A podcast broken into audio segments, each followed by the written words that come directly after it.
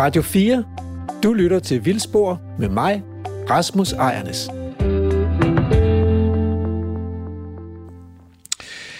Øh, du nævnte på et tidspunkt noget med, med, med havstigninger, og det ved jeg, du har arbejdet med, så jeg kunne godt tænke mig at, at høre dig.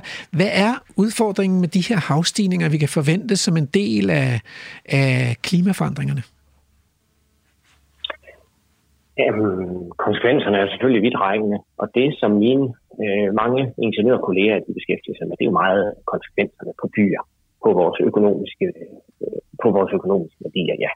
Øhm, der er nogle af dem, der sidder og regner på, på de her fremskrivning af, af havvandsstigninger, som er blevet lavet på baggrund af, af, en, en lange beregn, af mange beregninger i de seneste årtier. Og der sidder de beregner på, hvad man forventer af skader på, på alle kystnære byer. Mm. Øh, hvilken størrelsesorden vil det være? Og, og det er jo altså det er jo svært at forestille sig nogen som os, men for, for mange af de der byer forventer man, øh, at i løbet af næste 100 år vil det være milliarder, altså mellem to og, og nogle af dem måske op til, til 20 milliarder for byer som Esbjerg, eller Korsør, eller Vejle, eller nogle af de der, der ligger virkelig tæt. Og det er man parat til at, at gå ind og lave øh, klimasikring for det. Jeg kan se, at nogle af mine kolleger skal lave en stor klimasikringsprojekt eller undersøge mulighederne for det, for det omkring øh, Hvidovre og Sydkøbenhavn. Så der er der en villighed i samfundet til at gå ind og se, jamen, hvad er det, der skal til? Hvad er det, vi kan forvente? Hvad er det, øh, vi kan gøre for at beskytte de her øh, byer og de mennesker og de interesser, der er i byerne? Men hvis sådan nogen som os skal kigge på det, så er der jo et andet øh, syn, eller en anden vinkel. Det er jo de naturværdier, der er i vores øh, kyst, øh, kystnære omgivelser. Og det er jo først og fremmest øh, klitter og strande, og ikke mindst strandingen. Man kan sige, kyst, kysterne er jo nogle af de steder, hvor vi, hvor vi stadig har noget, noget fri dynamik, hvor vi har noget succession, altså hvor naturen strækker. Nogle steder kan få lov at bevæge sig relativt uhindret. Mm. Der er selvfølgelig mange steder, der er lavet kystsikring, men ellers så, så er det jo de steder, hvor der ikke er kystsikring, at vi har vores fineste klitlandskaber, hvor vi stadig har paratede klitter, der vandrer, og hvor vi stadig har ikke mindst de her store strandenge, som øh, rummer et væld af forskellige organismer, ikke mindst planter, fugle, æderkopper mm. og ja, padder. Og der er der helt klart øh, rigtig meget at, at, at, at arbejde med for os og undersøge, kan vi gøre noget ved det? Hvad er det, vi skal forvente? Kan naturen flytte sig selv? Mm. Og man kan sige, hvis, hvis, man, hvis man skal sige, at der kan være rigtig meget diskussion omkring øh, hvor voldsomme bliver klimaforandringerne i år det og det og det. Så kan man sige, det kan man godt diskutere lidt.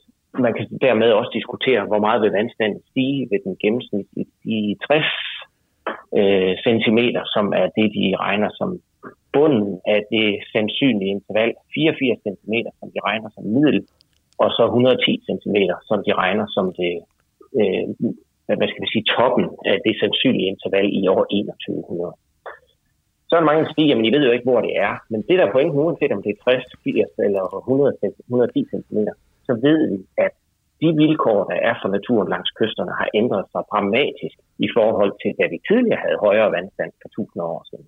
Ja, for der kunne naturen, naturen bare flytte sig. Ja, der var der ligesom plads ja. bag ved glitterne, plads bag ja. ved strandingen, til at de kunne, var, de kunne ligesom flytte sig mm. gradvist med de her de kunne tilpasse sig de ændringer, der var i, der var i klimaet. Og, og det kan de ikke i dag. Mm. Fordi bag ved strandingen og bag ved klitterne, der er der i dag oftest, øh, der er måske allerede kystsikring i dag med en dæmning i dige, et pumpelag, hvor der så er dyrket marker bagved, eller så er der bare øh, sommerhusområder eller byer, mm. eller anden, anden aktiviteter, som vi mm. mennesker har lagt ned over landskabet. Og jeg skal lige sige til øh, lytterne her, at øh, den, der siger disse kloge ord, det er jo Torben Ebbensgaard, projektchef i Covi. Og øh, Torben har blandt meget andet øh, lavet øh, projekter, hvor øh, I har vurderet øh, konsekvenserne af havstigningerne, de mulige konsekvenser af havstigninger for nogle af vores kystnære naturtyper, blandt andet strandingene. Og det skal vi tale mere om her i, øh, i anden time. Men først, så skal vi ud igen på reportage hos Lærker og Emil øh, på Jernhatten og høre, om de er blevet bidt af en hukum. Det er mig, der er Lærke Sofie Gleup, og lige nu er du på reportage med mig og Emil Skovgaard Brandtoft.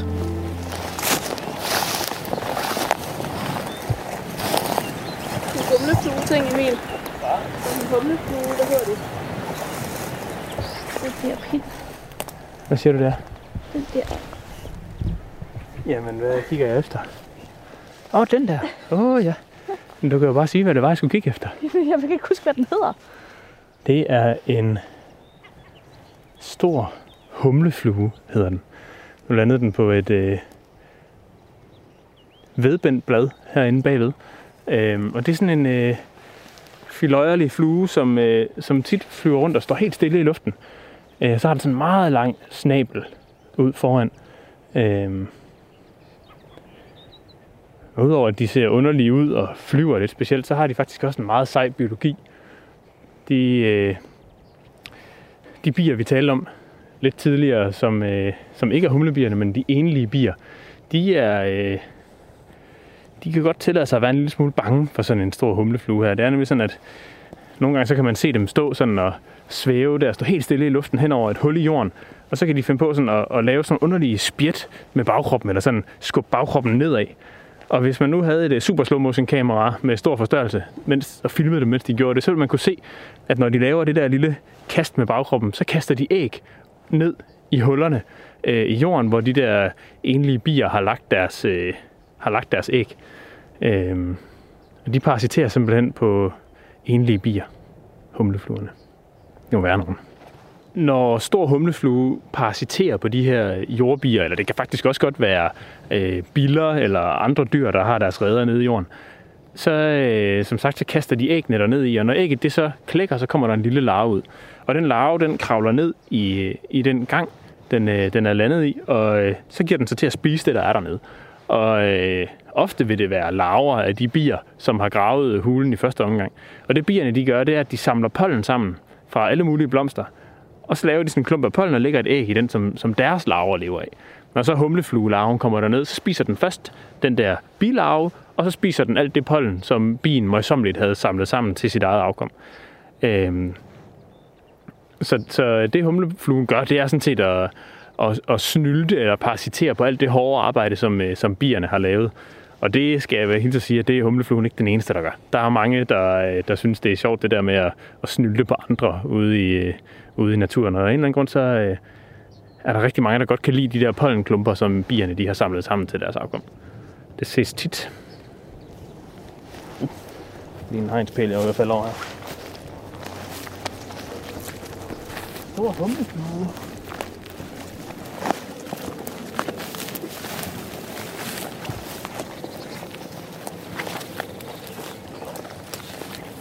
Godt spottet.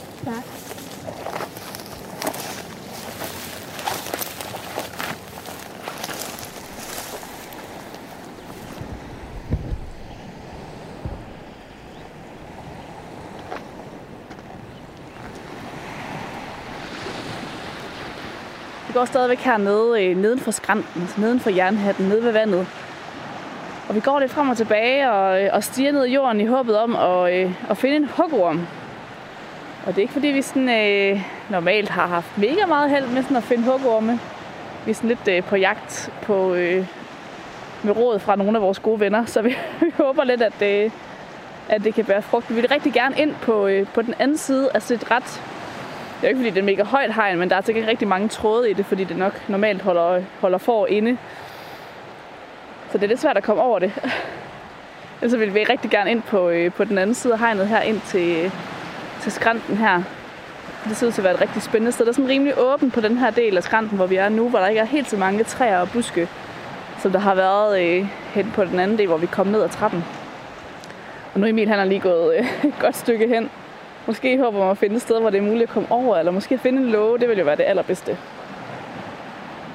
Vi vil rigtig gerne finde en hugorm, fordi øh, det er bare, øh, det er bare sådan et øh, fantastisk dyr. Vi har jo ikke så mange slanger i Danmark. Vi har hugormene og snone, og hugormene er jo sådan den, den farlige af dem, kan man sige. Det er den, der, øh, der har en, en ret stærk gift i sig, som den heldigvis ikke alt for tit ønsker at bruge, fordi den er ret svær og øh, kostbar for den, kan man sige at lave. Så den vil gerne øh, beholde sin, øh, sin gift, men den er faktisk ret stærk sådan i sammenligning med andre, andre slangearter. Nu skal vi ikke gøre folk bange for hugormene. De, øh... For det værste så er det mega svært at finde dem, og de vil garanteret nå, nå at stikke af, før vi finder dem. Og som sagt, sagt så, øh, så bider de ikke ret meget.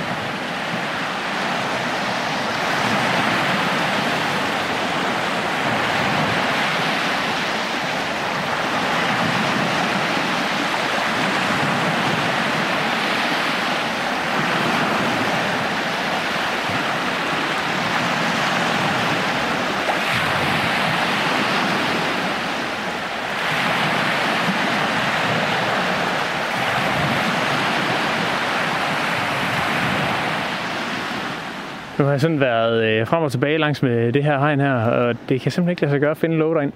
Det ser da super lovende ud, det der, den der skråning derinde, hvor der ligger en masse sten, og der er noget bare jord og sådan noget, som kan blive rigtig godt varmt. Det er både godt til insekterne og til krybdyrene og alt muligt andet. Øhm, men jeg tror, vi prøver at gå tilbage til trappen og se, om ikke øh, vi kan, vi kan komme lidt til siderne der, og se om vi kan finde hugum derhen.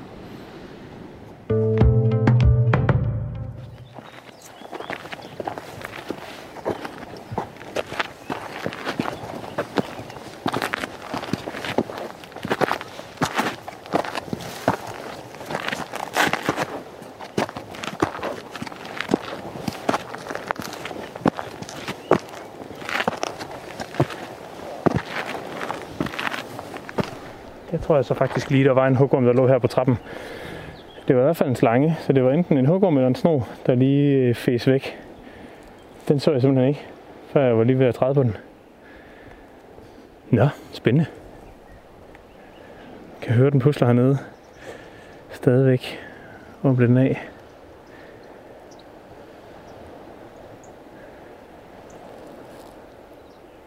Okay. Så er der altså noget pusler stadigvæk. Man kan også se, at der er noget, der bevæger sig herover et sted. Sådan lige en halv meter væk fra trappen. Det kan være med lidt tålmodighed, så kommer den simpelthen ud af sig selv igen.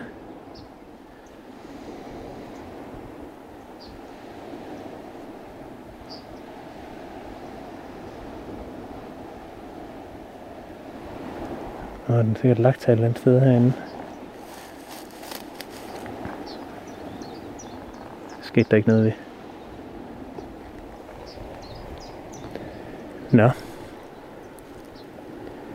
Interessant. Lad os prøve at gå lidt længere op og se, om der er mere. Komme efter.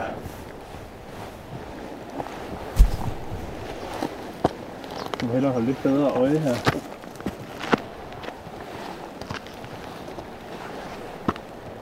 Ej, her er noget andet, vi lige kan snakke om i hvert fald.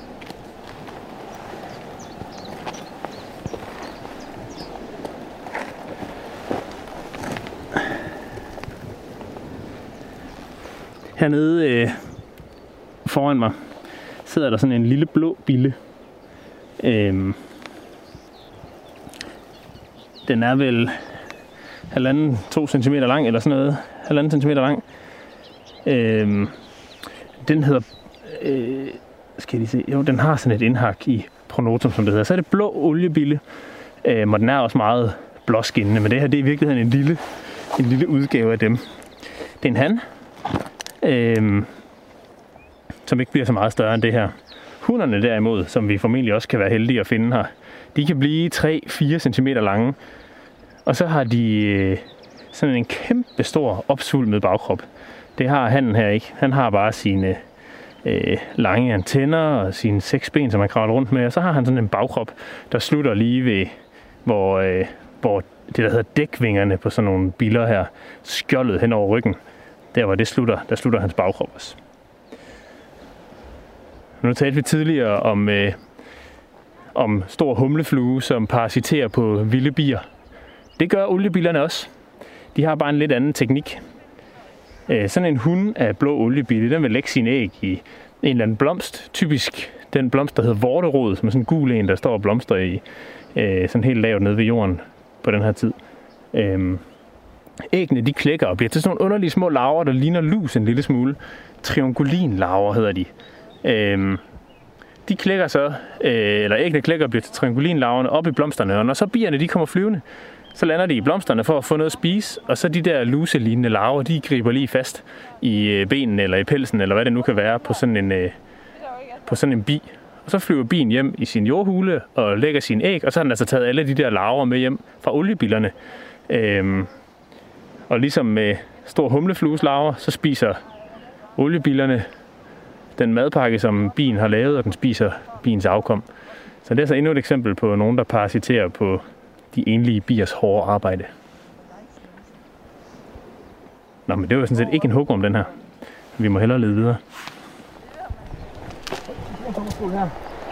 kommer en fin citron sommerfugl flyvende. De er så smukke, de der helt sådan citron, gule citronsommerfugle hanner, som den der lige kom flyvende der. Det er virkelig, ah, man bliver glad indeni, når man ser dem. Fedt.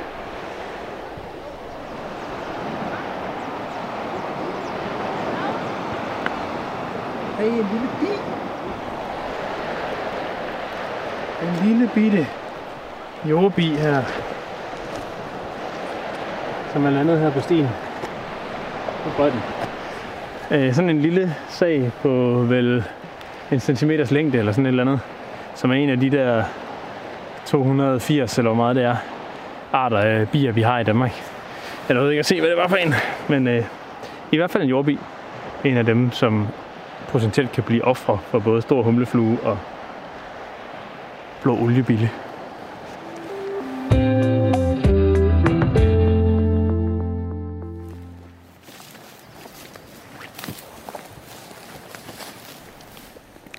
Går altså stadigvæk hernede for, øh, for jernhatten nede ved stranden og, øh, og kigger her mellem de lave buske, de lave stikkende buske efter, øh, efter en hugorm. Men det er ikke lige, øh, stadig ikke lige helt lykkedes at, at se en, vi er sikre på. Men øh, vi går altså som sagt hernede på det her flade stykke ved stranden, og øh, havet er ret tæt på os. Og øh, vi har det virkelig varmt i dag.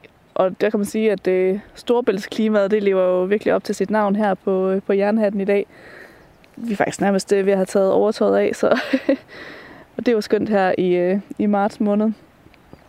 Men som vi også fik snakket om lidt tidligere, så, øh, så er der nogle ting, der også har været lidt tidligere på den i år. Blandt andet de her blå anemoner, som vi startede med at se oppe i skoven, og som faktisk også står helt hernede på stranden, eller på, på den nederste del af skrænten her under nogle øh, vilde æbletræer.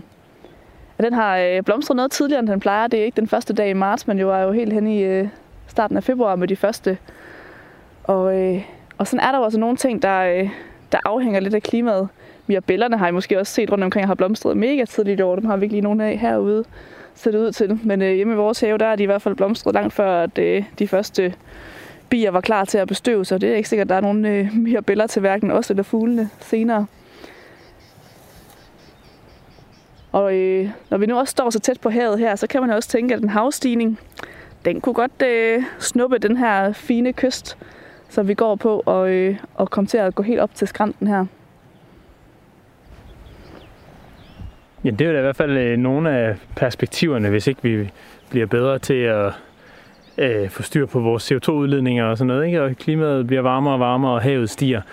Øh, der er de værste øh, prognoser, der er en havstigning på en, på en meters penge eller mere. Og så bliver sådan et sted som det her fine strandoverdrev, vi står på, øh, som lige nu mest er domineret af gamle vinterstandere fra den vilde gulerod, der blomstrede sidste sommer, og der står noget, øh, nogle øh, frø ting fra, øh, fra lav tissel, hedder den vel. Øh, og sådan et sted som det her, det er jo, øh, der er jo ikke noget sted, det kan flytte sig hen. Sådan er det mange steder rundt omkring i landet med strandinge og øh, andre ting, der sådan ligger natur, der ligger ud til vandet. Der er ikke noget sted, de kan flytte sig hen. Her der er bare en stejl skrant op i luften. Øhm, så det er altså sådan nogle steder som det her, der, øh, der vil komme i klemme, når havet stiger. Og så kan det jo også være, at, øh, at det her storbæltsklima kommer til at, at flytte sig lidt, eller komme til at fylde mere i Danmark. Det er jo ikke helt til at sige, hvad, hvad der helt præcis kommer til at ske øh, i fremtiden. Man kan jo kun spå lidt med nogle forskellige prognoser. Men det er jo sådan en noget varmere klimatype i, øh, i Danmark, end vi ellers lige kender det. Ja, det kan være, der kommer mere af den. Det kan jo selvfølgelig være meget rart for os, men øh, det er måske ikke alle arterne, der synes, det er lige fedt. Og så er det selvfølgelig bakketissel og ikke lavtissel. Godt, vi lige fik det præciseret. Ja, det skal ikke hedde sig, at vi ikke kan bestemme visne tisler. Men ellers er det jo et fantastisk sted. Altså, jeg kan simpelthen så godt lide at komme herude ved Jernhatten og gå en tur langs med, langs med vandet, hvor man kan mærke sådan en, øh, en mild brise sådan en dag som i dag, der kommer ind derudefra, og man kan høre bølgeskulpet, og det er, det er virkelig, man bliver helt glad indvendigt. Og så er der også tit ting at se herude. I dag lykkes det ikke med, med hugormene, men jeg tror aldrig, jeg har set så mange markfirben på en dag, som, øh, som i dag for eksempel, hvor vi har set en 10 stykker i hvert fald. Så er det jo bare om at komme ud igen en anden dag, hvis man gerne vil se en hugorm.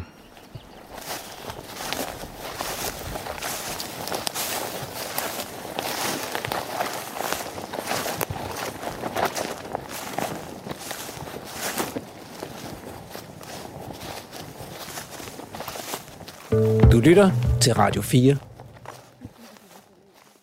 Øh, så er vi tilbage i studiet igen, hvor jeg har besøg af Torben Emskov, øh, projektchef i COVI. En øh, blændende naturhistoriker, jæger, fisker, alt muligt faktisk. Øhm, og derudover øh, min gamle specialstuderende. Men det, der er grund til, at jeg inviterede ham her, det er blandt andet, at han har lavet projekter om konsekvenserne af havstigninger øh, for danske kystnære naturtyper blandt andet strandinge. Og øh, vi talte lidt om det før øh, anden reportage her, men, men når nu havet stiger øh, op til en, en meter inden år 2100, Hvem går det så ud over derude i naturen? Kan vi forvente, at vi bliver øh, kimet ned på naturtelefonen af, af, af arter, der føler sig truet og trængt, eller kan du sige noget om det? Ja, øh, det, det, det ved jeg ikke, om vi kan forvente, men der vil i hvert fald være en, en række organismer, som er, er i ret stor fare for at blive oversvømmet. Mm. Jeg kan sige, at vi er i gang med at lave en, øh, en model, som undersøger hele Danmarks kystnære omgivelser, hvor vi prøver at lægge de her forskellige scenarier ind med havvandstigninger, altså de forskellige øh, antal centimeter frem til år 2100, og så cirka halvanden centimeter om året efter, det er det, man regner med. Mm. Øh, og, og det, det, der sker, det er, ja, jeg lavede øh, sammen med mine kolleger et pilotprojekt i Limfjordsområdet. Øh, den her organisation, der hedder Limfjordsrådet med de 18 kommuner omkring Limfjorden, taler om at lave en masterplan for Limfjorden. Mm. Og der blev der inviteret alle chefer og politikere fra alle kommunerne, og så skal man tale lidt om det, man plejer, det vil sige om selve Limfjorden og selve vandmiljøet og problemerne med næringsstoffer og, og ildsvind og fiskebestande. Og det man, det, man har gjort i årtier, og faktisk, som, faktisk har haft øh, relativt stor succes med nogle dele, og nedbringe øh, mængden af tilført næringsstoffer. Så var der en klog person inde i Limfjordrådet, som tænkte, måske skulle vi lige tage de der arealer omkring Limfjorden med. Vi ringede så til mig, sandsynligvis fordi, at jeg netop kender Nordjylland rigtig godt og har været ude i, i rigtig, rigtig, rigtig mange af de naturområder og lavet Natur 2000-planer for mange af de Natur 2000-områder, der ligger der. Hvordan har naturen det, tænkte de så? Og, og hvad kan vi forvente af de næste, de næste 10 år? Eller sådan noget. Og så tænkte jeg, jamen det kunne da være interessant nok, men det oplæg, er der, har jeg lavet, eller har andre lavet noget, der lignede før. Men hvad nu, hvis vi tog de lange briller på? Hvad nu, hvis vi tænkte på, at den her plan, der skal laves, den skal holde længere frem i tiden? Mm. At vi skal prøve at planlægge, eller være parate til at gøre noget for naturen længere frem i tiden. Og så satte jeg mig med nogle af mine dygtige modelkolleger og prøvede at, at, at lave den her øh, model af, hvad oversvømmes, øh, hvor langt ind i landet går det. Det er reelt en højdemodel, hvor man så laver en oversvømmelse, fylder vand op, og ser, hvad det så er for nogle arealer, der bliver oversvømmet. Så hentede vi en masse data om øh, naturtyper, habitatnatur, paragraf 3 natur, om alle de sjældne arter, jeg lige kunne komme i tanke om, øh, blank stejlemårsfugl, stenbræk, øh, øh, løgfrø og strandtusse og ja, al, alverdens fugle, ikke mindst. Øh, det er rigtig meget fugle, der gør sig gældende på de her forandringer, altså brugsagen, almindelig ryle, arter af terner, lysbud, knortegås og sådan noget, mm. og så på deres primære levesteder lavede vi en krydsanalyse i GIS der, og så, jamen de og de og de levesteder vil forsvinde, og så store dele af de her naturtyper vil forsvinde. Mm. Og øh, ved middelscenariet, som altså så er cirka de der 80 cm om, øh, om 100 år, øh, det var det, vi troede for to år siden, nu er der så lagt 20 cm til. Men altså, det, det, det var vores gæt der, og ved middelscenariet lavede den her modelberegning af, at, at 80% af vores strandinge vil forsvinde, og cirka 85% af de kendte ynglesteder for for eksempel brushane, indryle, splitterne, øh, fjordterne, havterne og de her arter vil øh, forsvinde. Og stort set alle de nuværende øh, fokuseringsområder for lysbud, knortegås og øh, yngleområder for skistor. Bare for at nævne nogle eksempler. Mm. Det var en så, lang historie. Jeg ved ja, ikke, om det, det var det. Et ja, langt, langt oplæg uh, til, til, til den, onde, den onde afslutning med de her arter, som jo stort set vil forsvinde fra Limfjordsområdet, hvis, ikke, altså, hvis vi bare lader stå til.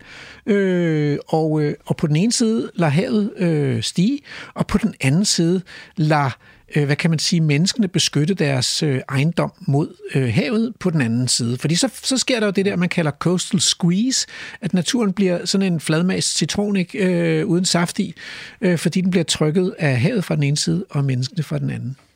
Så altså... Det er jo allerede stort omfang sket jo.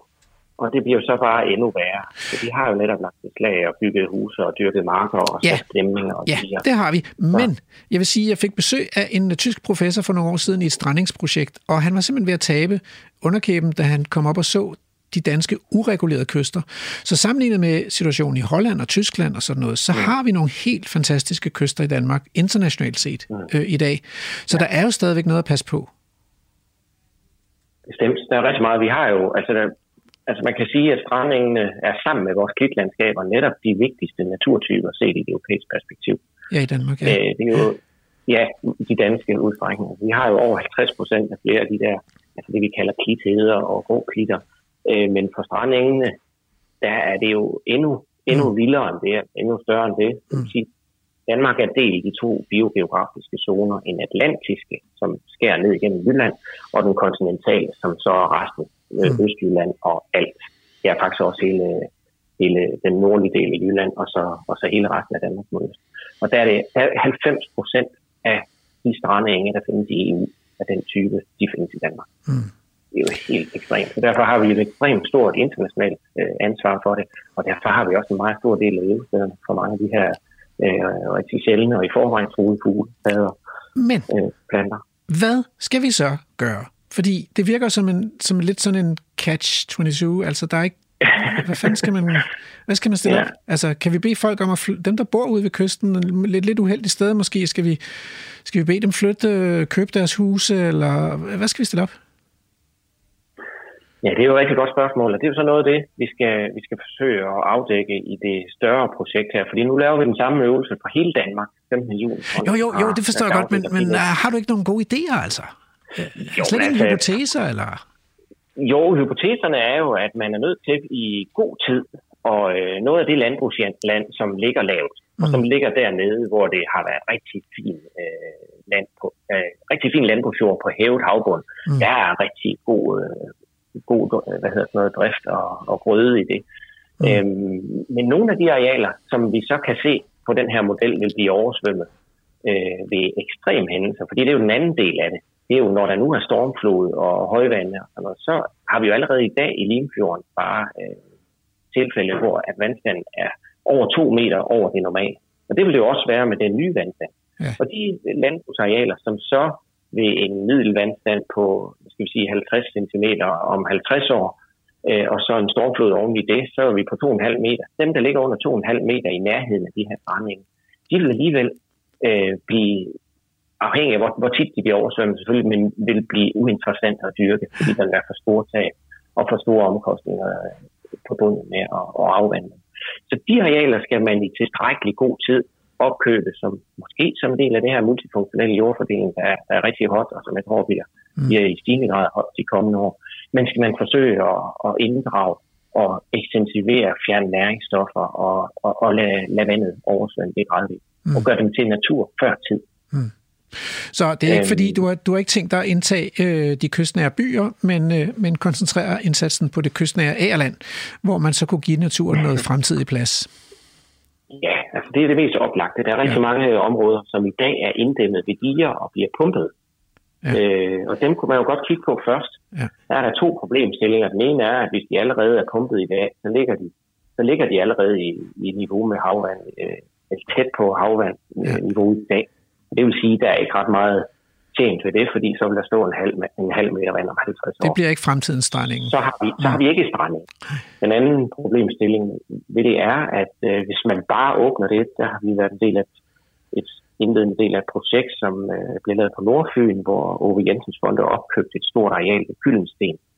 Øh, netop sådan et inddæmmet område, som er blevet til lavt havbund. Og der har man haft nogle rigtig spændende, men ikke særlig glædelige erfaringer af, at de arealer har der været dyrket øh, altså dyrket mark, dyrket mark på øh, indtil umiddelbart før, og der har været nogle enorme udledninger af næringsstoffer Mm. til Odense Fjord i det tilfælde, eller nej, ja. Men, men det er i hvert fald den problemstilling, som vil være, at Mm. man skal virkelig gøre det i god tid, fordi ellers så belaster man bare øh, fjordområderne, vores kystnære områder med næringsstoffer, Mm. i en grad, som vil langt overhale de øh, gode indsatser, man har gjort for at nedsætte dem i, i forbindelse med vandplanen de seneste årtier. Så det er virkelig vigtigt at, øh, at handle i tide. Så ja, derfor er jeg glad for, at I har sat gang i de her undersøgelser, så vi inden år 2100, eller helst i god tid, kan begynde at sætte gang i den her transformation.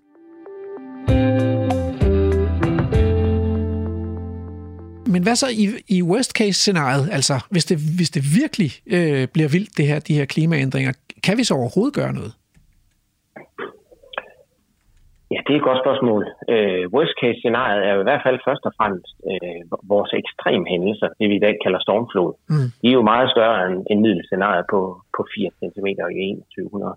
Der er der jo, vi skal lægge to, to meter oveni, og måske sommer højvandssituationer eller sommerstorme, som måske går op omkring 70 cm over normalt. Det er jo en katastrofe for, for ynglende fugle. Det, det er ligesom at få vand i kælderen. Det er slemt nok, hvis du får det én gang. Øh, og, og en, en ternrede eller en brugsandrede, der bliver skyllet væk øh, en gang på et år, er jo rigeligt til, at den ikke får vingerne. Mm. Så det, det er i hvert fald vigtigt at have, have, have de store scenarier med, og det er også dem, man regner med, når man ser på beskyttelse af byerne. Mm. Så, så det er det, man, man bruger øh, stormflodsscenarierne også. Og der, der er det jo også vigtigt at sige, at der er mange øh, af de i dag ferske lokaliteter, som vil blive oversvømmet med saltvand måske nogle gange om året. Og det kan være slemt nok for en, for en klokkefrø, eller en grønbrået tusse, eller måske en mygblomst. Jeg tror, der er 10, nej, 15 levesteder for, for mygblomst i dag, og de 10 af dem ligger under den her gennemsnitshøjde øh, på 80 cm. Så, så det, det er jo endnu et eksempel på nogen, der vil kunne blive truet af det her. Og kan man gøre noget ved det? Det, det, må, det, det må vi prøve at løse hen ad vejen, men, men man skal måske i hvert fald også gøre noget ekstra for nogle af de her arter, i stedet for bare at indkøbe noget landbrugsjord. Måske skal man allerede begynde at lave flere og bedre levesteder for, for nogle af de her paddearter, franshuse, klokkefrø, øh, grønbrå, tuse osv., for at, øh, for at sikre, at de har en stærkere bestand, og at de ligesom allerede er rykket lidt bagud i landet gradvist. Okay, men så, så, så må vi, det må vi lige runde her til sidst. Altså, så hvad er stærkere og bedre levesteder, og hvad er ligesom, hvor ser du opskriften på det? Altså, vi, vi talte om det lidt tidligere, at der var begyndt at komme sådan en ny orientering i dansk naturforvaltning med, med stå, større områder og, og rewilding og vilde dyr og sådan noget. Er, er det løsningen, eller, eller ser du noget andet for dig? Jeg ser da bestemt, at det er en del af løsningen. Mm. Øh, det er jo lidt sjovt, at det faktisk bliver set på som, som noget nyt, det her med større natur. Jeg kan huske, at jeg lige var ansat i Nordlands Amt i, i 2001, må det have været, da William-udvalget kom med deres rapport. Der var det, der stod allerførst, det var, at naturen har for lidt plads. Yeah. Så på den måde ligger det jo fuldstændig i tråd med det, det som du siger i dag, at naturen mm. mangler plads. Det, er det, og, og det, der er vigtigt, er jo, at det, det skal være sammenhængende plads. Det skal være noget med noget kontinuitet. Det skal være noget, hvor der er de rigtige grundvilkår. Altså, der skal være naturlig fytologi. Meget af det, vi arbejder med, er jo netop at gå ud og forsøge at genskabe de her øh, vilkår. Vi skal have fjernet dræn og grøfter. Vi skal have vandløbene op i, i overfladeniveau. Mm. Vi skal have fjernet nogle af de her store plantager med, med nåleskov, og, og vi skal have fjernet nogle næringsstoffer fra områderne. Og så skal vi have, hvis det ikke lige er et kystnært område, så skal vi have nogle af de her dyr ind, som er med til at skabe nogle af de her øh, forstyrrelser som gør, at der bliver levested for langt flere øh, nøjsomme arter og, og generelt. Og her øh, er der egentlig bare tilbage øh, for mig at sige øh, ammen, fordi, øh, fordi det, det er jo som talt ud af Vildsborgs mund, øh, give plads til den store vilde natur. Og det, du har mindet os om i dag, det er jo, at vi ikke skal glemme kystdynamikken, fordi noget af vores mest fantastiske natur, især internationalt, er øh, vores kystnatur, strandingene og klitterne. Øh, tusind tak, Torben Ebenskov. Velkommen. Du lytter til Radio 4. Nu skal vi prøve noget nyt. Vi skal nemlig prøve øh, at lave en battle. Øh, I stedet for ugens tråd, så får vi simpelthen øh, to forskellige synspunkter på en aktuel problemstilling. Og øh, den, jeg har valgt at kigge nærmere på, det er tilbagegangen for de der fuglearter, der lever ude i ærelandet. Øh, for to år siden, der breakede DOF, Dansk Ornitologisk Forening, nyheden om, at Danmark var blevet 3 millioner ærelandsfugle færre de sidste 40 år. Tilbagegangen havde især ramt arter som sanglærke, vibe, guldsbog, landsvale og torniask. Og DOF ser det her som tegn på, at der er noget rivende galt i landbruget, hvor der mangler mad til fuglene. Øh, Morten D.D. Hansen på den anden side, han er jo kratlusker og naturformidler på Naturhistorisk Museum, og han kan ikke se problemet. I stedet for at tilslutte sig koret af landbrugskritiske biologer, så laver han livesendinger fra marker med sanglærker ved Nørre Snede og en eng med viber på Mols. Og her udfordrer han dommedagsbasunerne og vores forståelse af naturen omkring os. Men Knud Flensted, naturpolitisk rådgiver i DOF, lader sig ikke slå ud. Han insisterer på, at vi ikke kan nøjes med vild natur, men også skal have plads til sanglærker og viber. Så jeg tænker, jeg ringer der til Morten D.D. Hansen og til Knud Flensted og hører, hvad de egentlig mener.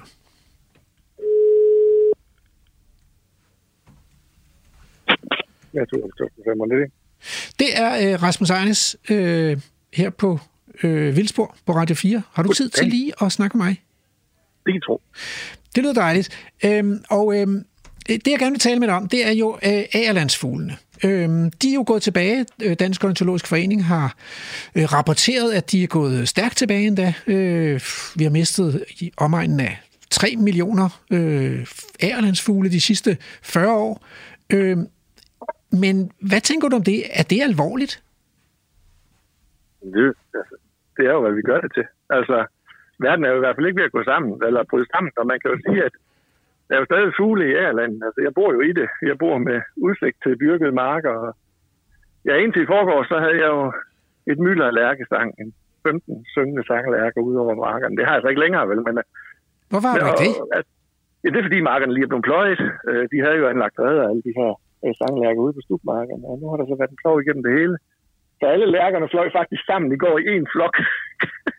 så der kunne jeg tælle, der var 30 lærker, så der var i hvert fald par eller noget i stil, så skal de til at etablere redder igen. Og, og det er vel en logisk konsekvens af, at vi dyrker markerne. Altså det, det er mest det, at, at, at det er vel, altså for pokker ikke stedet at dyrke fugle, det er vel der for pokker ikke ude på bundemandens marker, det er vel ude i naturen, at fuglene skal være, og ikke nødvendigvis på de dyrkede marker, hvor man dyrker ved, og, og hybridro er det vist på de her arealer. Ikke? Altså, men, men Morten, man har jo se, det er altid... et problem, at der mangler nogle fugle ude på en dyrket mark. Okay, men man har jo altid dyrket markerne, så hvorfor er de der agerlands fugle egentlig gået tilbage? Jamen, det er der en god forklaring på, det er, at vi bliver mere effektive til at dyrke markerne. Altså, der er sådan en omvendt proportionalitet mellem natur på marken, og hvor meget afgrøde vi får. Og jo mere afgrøde vi får, øh, jo mindre natur der er plads til. Altså, enhver form for landbrug er jo en, i hvert fald en tilstræbt homogenisering. Ikke også? Så det vil sige, at man vil gerne have mere af sin afgrøder og mindre af ukrudt og mindre af alle de insekter og fugle, der ellers øh, kunne være derude. Så det er jo en fuldkommen logisk konsekvens af, at vi bliver så stinkende effektive til at bygge marken. Nå.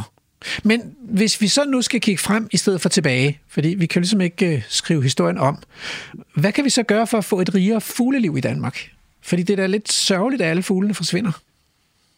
Jamen altså, man skal i hvert fald ikke gøre noget ude på markerne. Det er næsten tåbeligt, fordi at, altså, så får du, du kan godt dyrke sanglærker, du kan anlægge lærkepletter osv., og så får du nogle lærker og et par ukrudtsplanter osv. Men altså, fuglene hører hjemme ude i den vilde natur, ikke også? Altså, hvor du så også får orkideer og sjældne, altså alle mulige sjældne blomster og sjældne insekter. Det er jo der, fuglene naturligt har hørt hjemme. Øhm, frem for på bundemandens marker. Så det vi skal gøre i min optik, og jeg synes, jeg ser masser af eksempler på det ude i den virkelige verden, det er jo, at vi skal sørge for at få noget vildere natur, der kan huse alle de her mange fugle.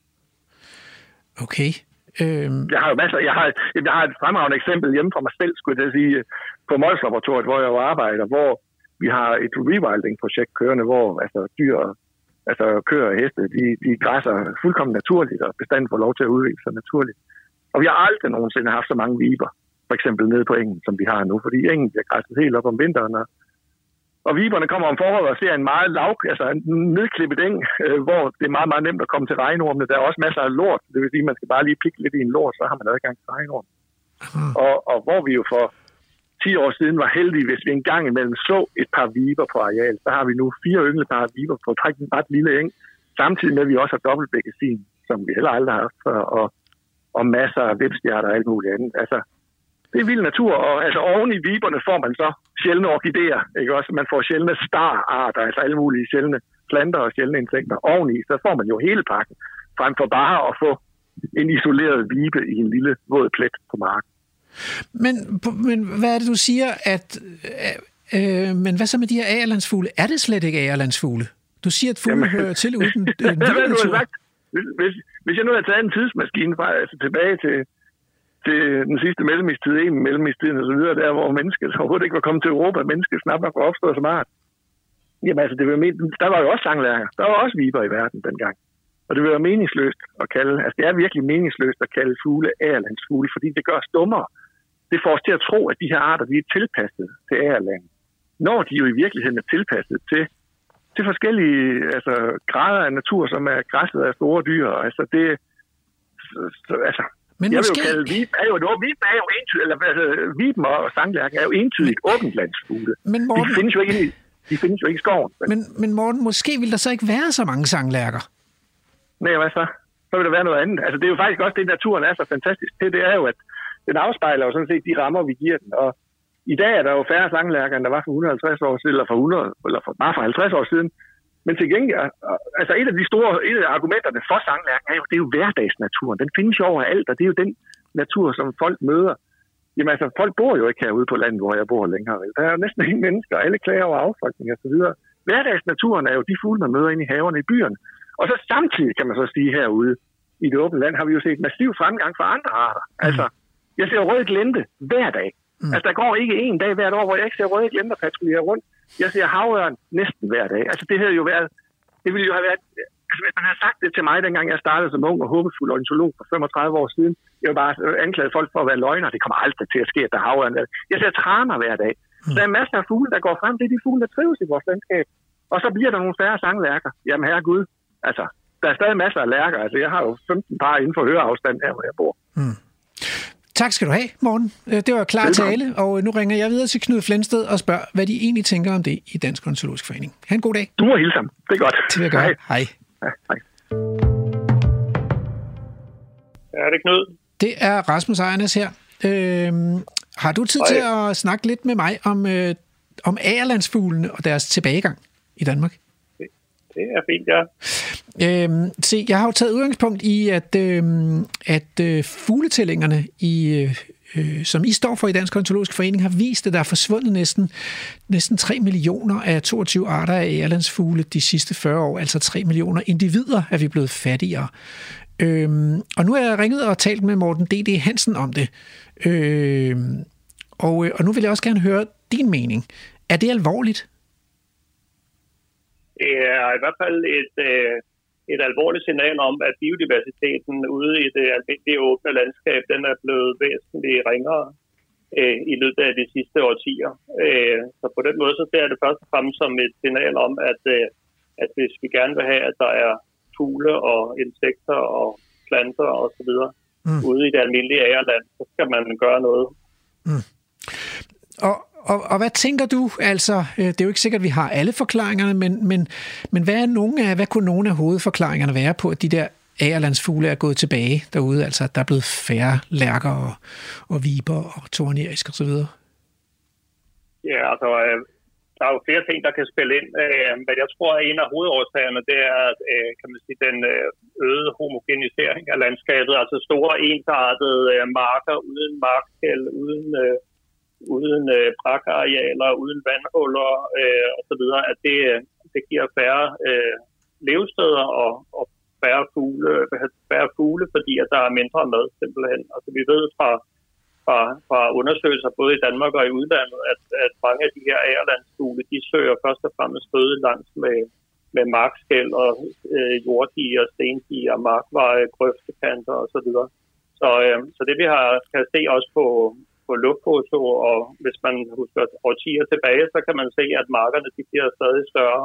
Ja. Og, øh, og da der er færre markskæld, øh, så er der simpelthen mindre mad til, til fuglene. Så, så øh, så ja, en af måderne at løse det her problem på, det er at, for eksempel at, øh, at sikre, at nogle af de her markveje og markskæld, at de bliver bevaret, og eventuelt at man tildeler landbrugstilskud og så videre efter, øh, hvordan øh, at øh, den enkelte landmand han driver sin, øh, sine arealer. Altså, jeg kan for eksempel forestille mig, at øh, man gav særlig tilskud til, til landmænd, hvis øh, mindst 10 procent af deres øh, driftsarealer det var udlagt til permanent natur i form af af små, øh, små øh, små biotoper og markskæl og grøftekanter og paragraf 3-arealer osv. Men her, men her siger Morten så, øh, og nu er han ikke med på telefonen, altså en anden i, i en fremtidig tid øh, med mindre corona, så kunne det være sjovt at have begge to i studiet samtidig. Men, men Morten siger, at, øh, Øh, men at det, det er jo sket, fordi at landbruget simpelthen er blevet mere effektivt. Og det, du siger jo virkelig lidt det samme, ikke? at man, man har ligesom taget al pladsen ind til dyrkning, og så er der blevet for lidt plads tilbage til levesteder for de her fugle. Øh, men, men Morten siger, det er, jo, det er jo sådan set hele meningen med landbruget, at man skal prøve at få så meget, få produceret så mange fødevarer som muligt. Altså, det er vel det, der er landbrugets opgave, eller hvad tænker du om det? Øh, jeg synes, at, øh, at alt, kan man sige, øh, alt brug af vores landskab i Danmark, det skal tilrettelægges både ud fra den enkeltes behov og også ud fra samfundets behov. Ah.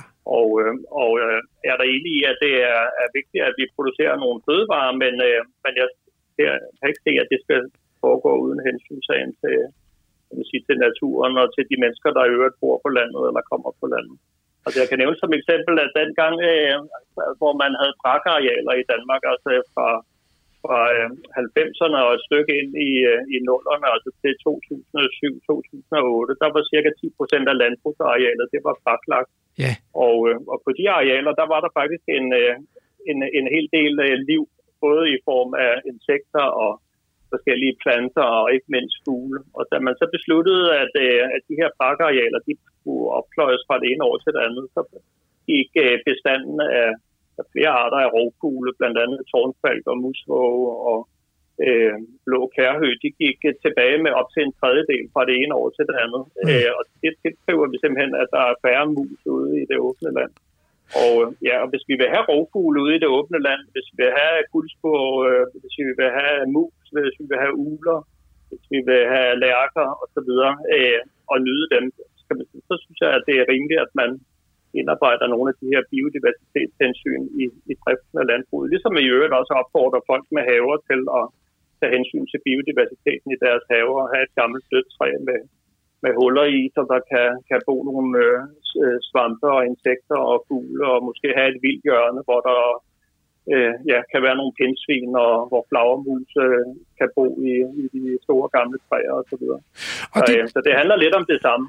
Og det, du i virkeligheden lægger op til her, det er det, som biologer kalder land sharing, altså at de steder, som vi, øh, hvor vi har valgt, at vi skal øh, bo eller transportere os, eller producere vores fødevarer, eller vores tømmer øh, osv., at der kan man også godt dele øh, arealet lidt med naturen og biodiversiteten. Det, det er sådan set det, du taler for, ikke?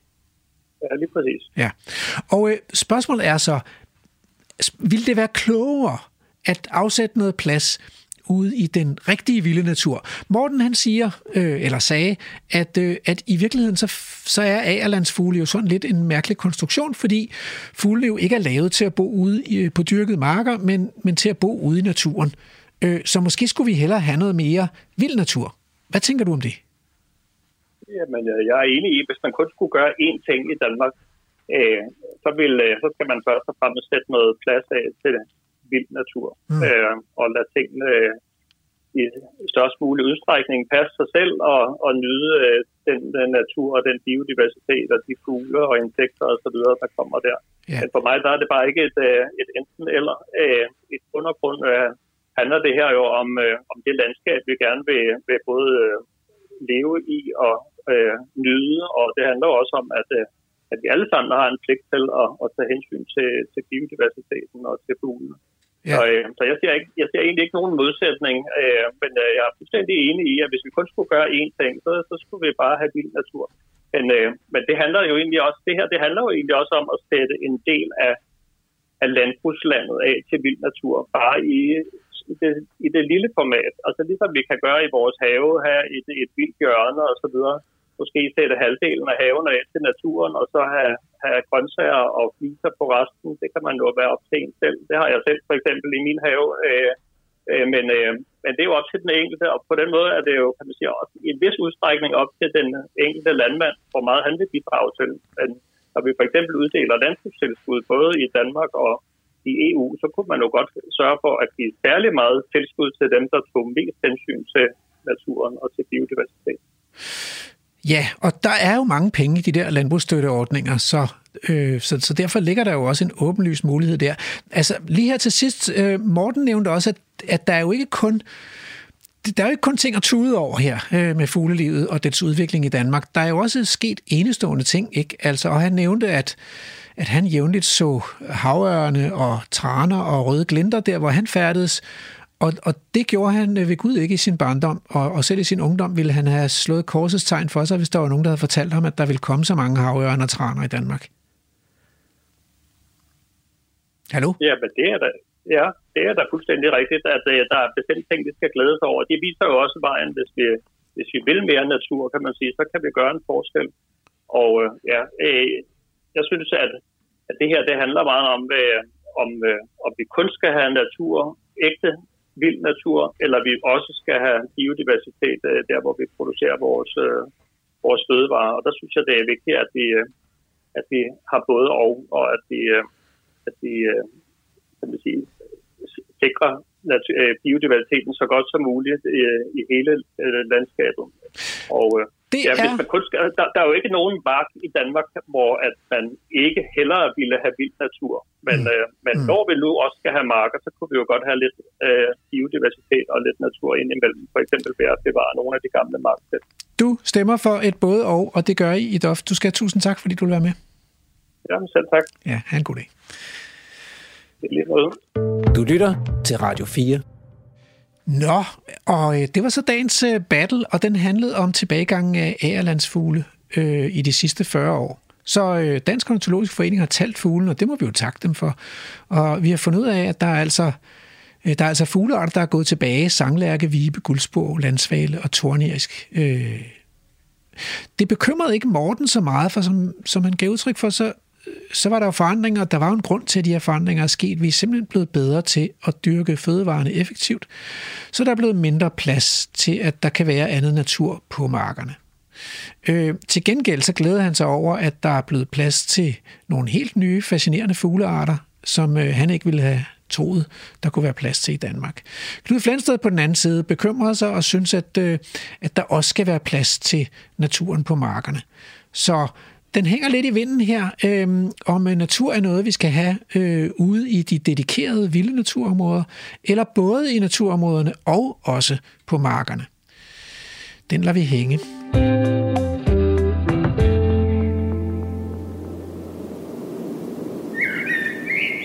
Verden står på den anden ende.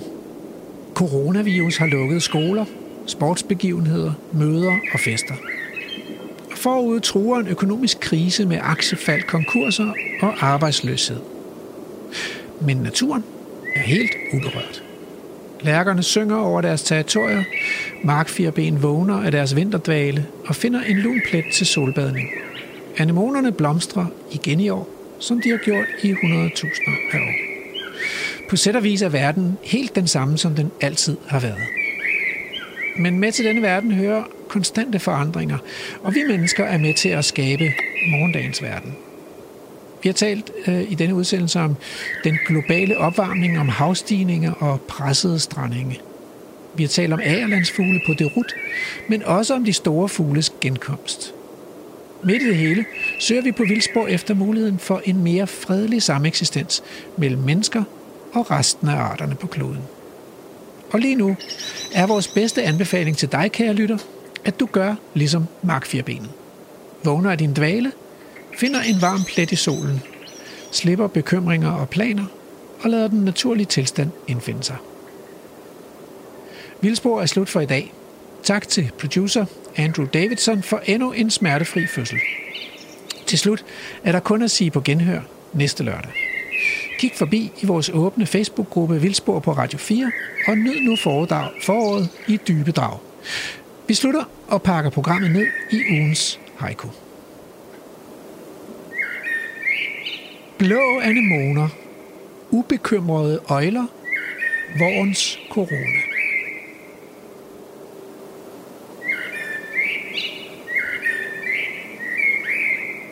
Programmet er produceret af Folkeuniversitetet og Aarhus Universitetsforlag for Radio 4.